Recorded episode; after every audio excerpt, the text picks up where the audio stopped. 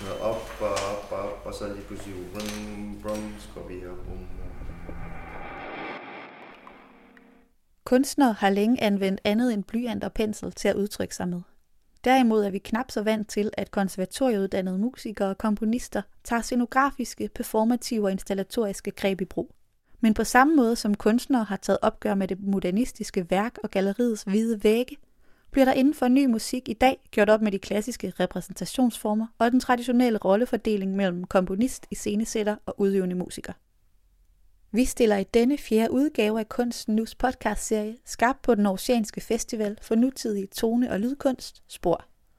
Du vil høre kurator for årets festival, komponist Simon Sten Andersen, forklare hvordan gammel musik kan blive aktualiseret i nye klæder. Jeg hedder Simon Sten Andersen. Jeg er komponist i, øh, i en eller anden form for udvidet forstand.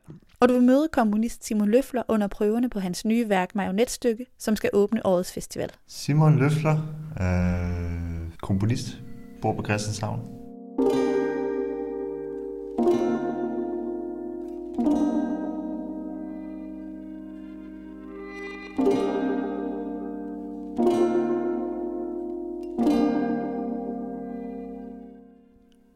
Sporfestivalen er kendetegnet ved at stille spørgsmål ved de kulturelle koder og uskrevne regler, der er forbundet med at opleve ny musik. Med udgangspunkt i sin egen iscenesættelse af værker af Bach, Schumann, Mozart og Ravel, har Simon Sten Andersen under overskriften Staging the Sound inviteret andre kunstnere, der også arbejder med iscenesættelse.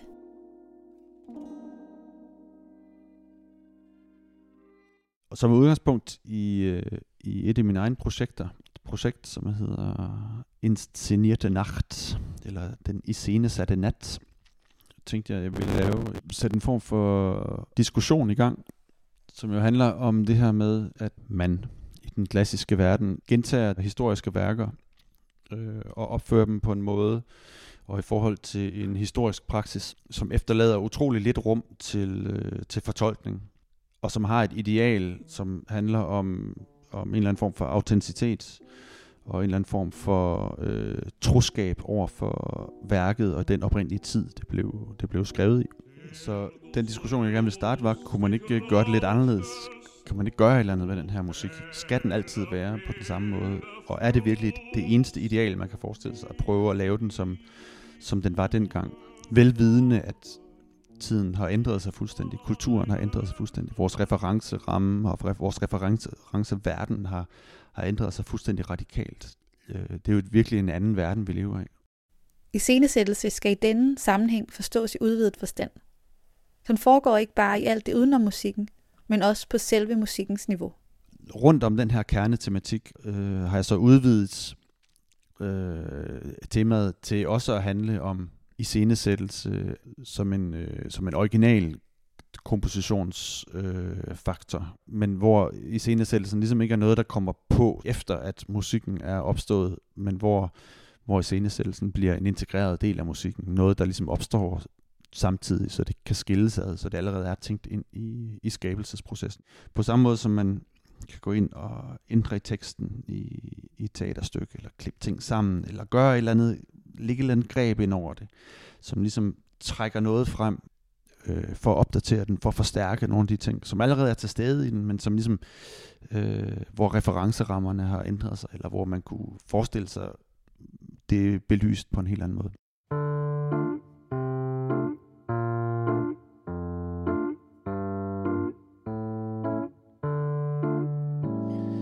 Øhm, et eksempel på en, en komponist, der arbejder med, med historisk materiale, er øh, nordmanden Ivan Boone, som, øh, som præsenterer et, øh, et projekt med helt nye sange, der ikke har været vist før. Projektet hedder Schubert Lounge, og er jo noget så simpelt som oversættelser af, af de her Schubert-lieder, teksten til, til engelsk, til et nutidigt engelsk, og et arrangement, som i virkeligheden ikke ændrer sig super meget på, på musikken og på, på akkompagnementet, men som alligevel gør, at det er sådan, som man vil gøre det øh, inden for en moderne øh, singer-songwriter øh, skrive- og opførelsespraksis. Øh, Your surface hot and sealed. Og resultatet er jo bare, at han sidder og, og fremfører de her lieder i den her let omskrevne form på sit Fender Rhodes og med, og med sin uskolede stemme. The name I can't forget. The name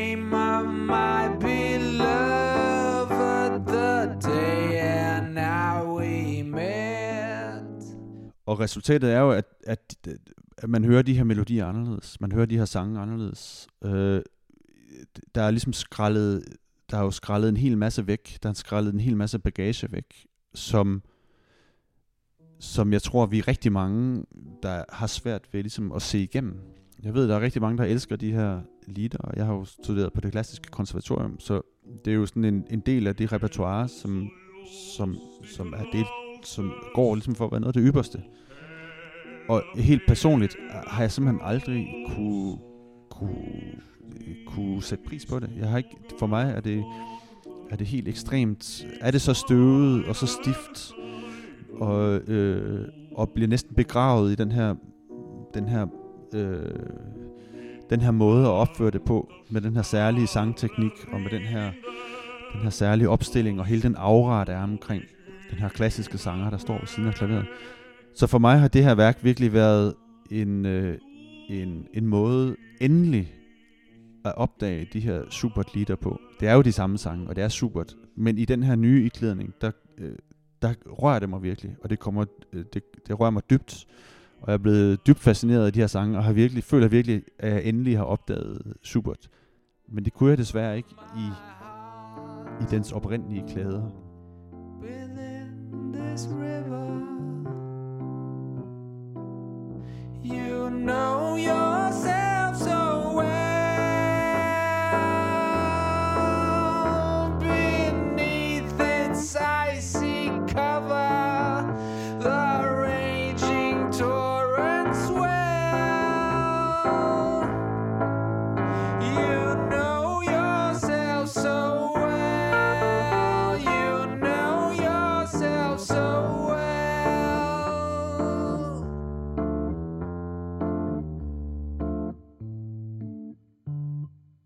det som jeg håber, jeg kan være med til at vise med den her kuratering, er, at der findes øh, rigtig meget musik, eller øh, værker, som har, måske har udgangspunkt i musikken, men som forsøger og i høj grad prøver at komme væk fra det her mere abstrakte, og virkelig søger en form for kommunikation og betydning, og som søger en eller anden form for mere konkret aktualitet og, og relevans. Som en kunstart, der også forholder sig til til den virkelige verden, hvilket øh, den instrumentale eller abstrakt eller klassiske musik jo ikke er allermest kendt for. For måske at være den oprindelige oplevelse tro, i virkeligheden skal, skal lave en eller anden form for oversættelse, eller en iscenesættelse, eller en om, nyfortolkning, sådan at vi kan holde den gamle musik i, ja, i live, og opleve den frisk, og ikke kun som noget historisk eller musealt.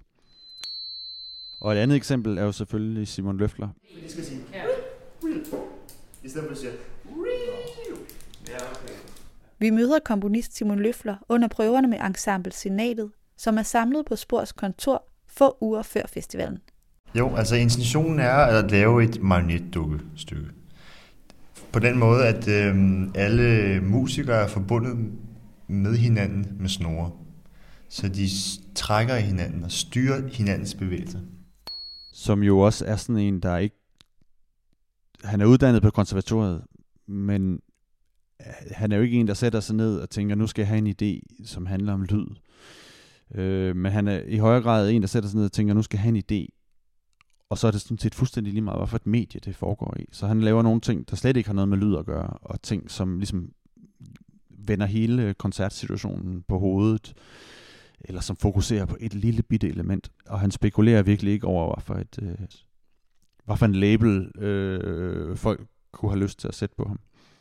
Øhm, så der er et ganske lille øh, antal øh, armbevægelser, som hele stykket er bygget op omkring, øh, lodret og vandret.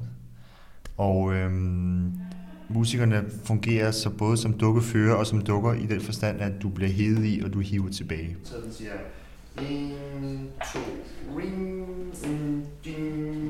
Og i det her nye værk er det jo øh, er det jo lidt det samme. Det var ikke øh, ubetinget musikken, der var, eller lyden, der var, det, der var det første og mest det skarpeste. Men det er i højere grad en eller anden form for samspil mellem de her forskellige elementer, og musikernes tilstedeværelse og fysik, og måden de er, måden de er bundet sammen på. Med Løflers værk er scenesættelsen tænkt ind.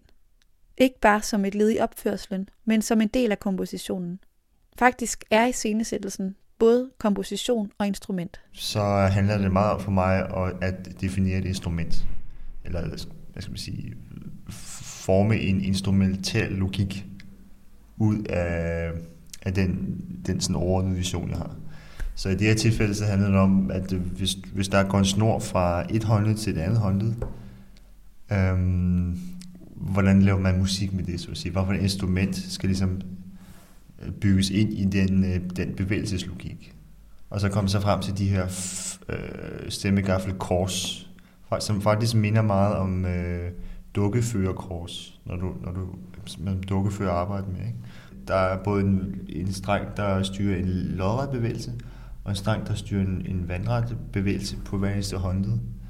Og så er der samtidig en, en snor på øh, albuen, så albuen gå sådan ud til siden. Så det hele er meget geometrisk. Det, det kan jeg rigtig godt lide. Marionetstykket består af et kompliceret snoretræksystem med 10 kors af lyst træ med i alt 164 stemmegafler, som musikerne sætter i svingninger ved at føre dem forbi en mikrofon med enten lodrette eller vandrette bevægelser. Tilbage til der er mange øh, tanker om i form for marionetlogik, marionetlogik, i forbindelse med musik.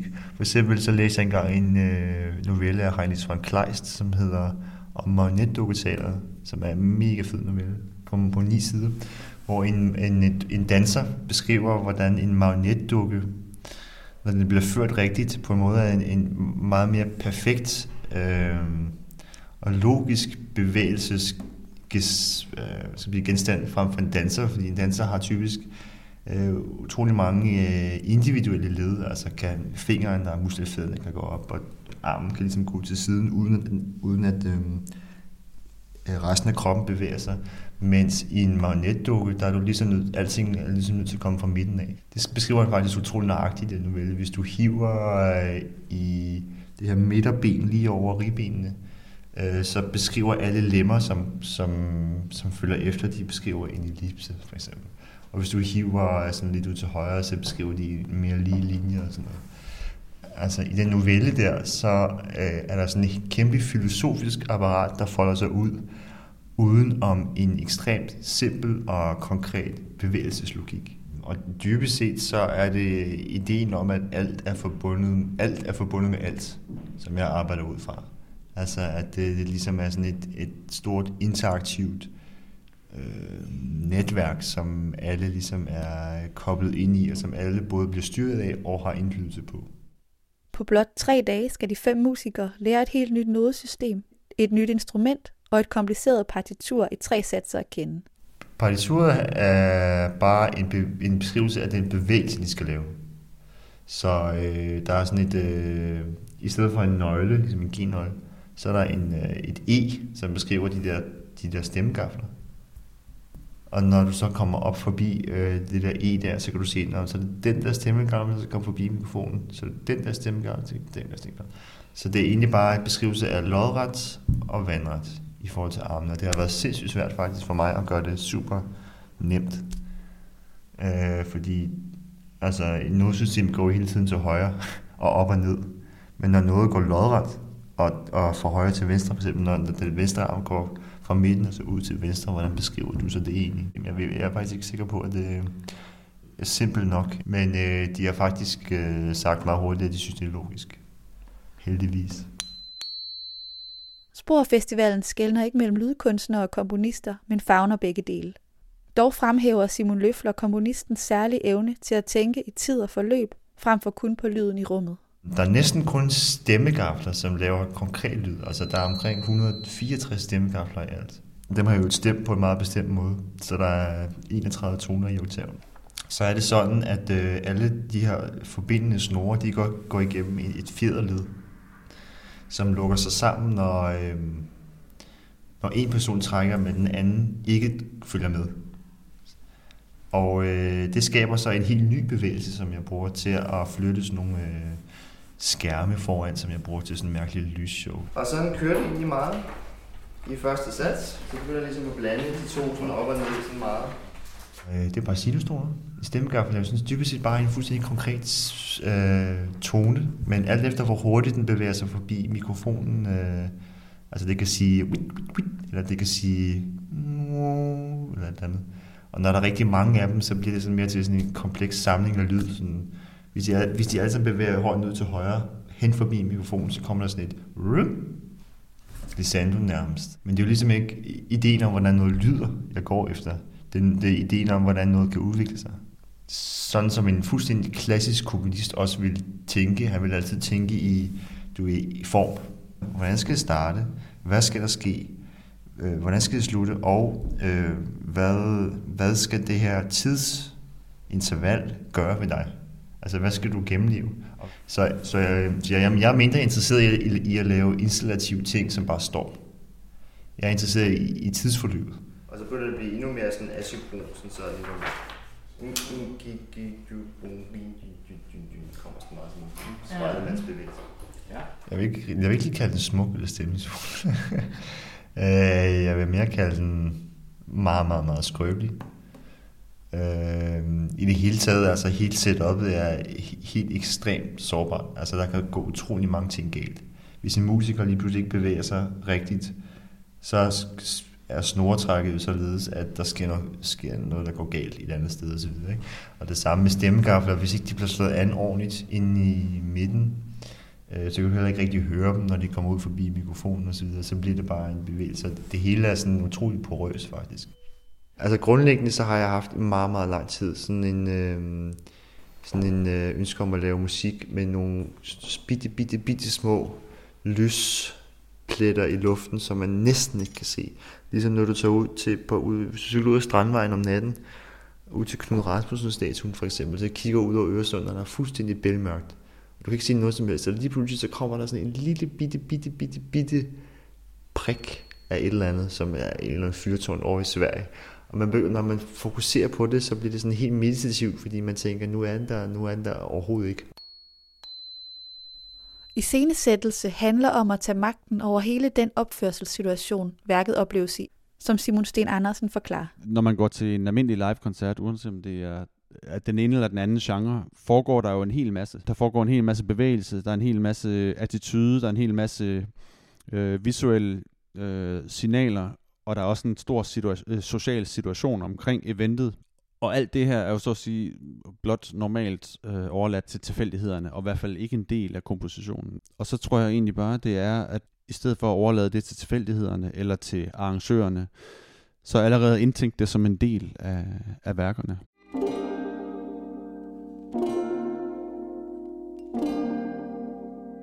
Og hvorfor gør man det? Jamen det gør man selvfølgelig, fordi man synes, det er spændende.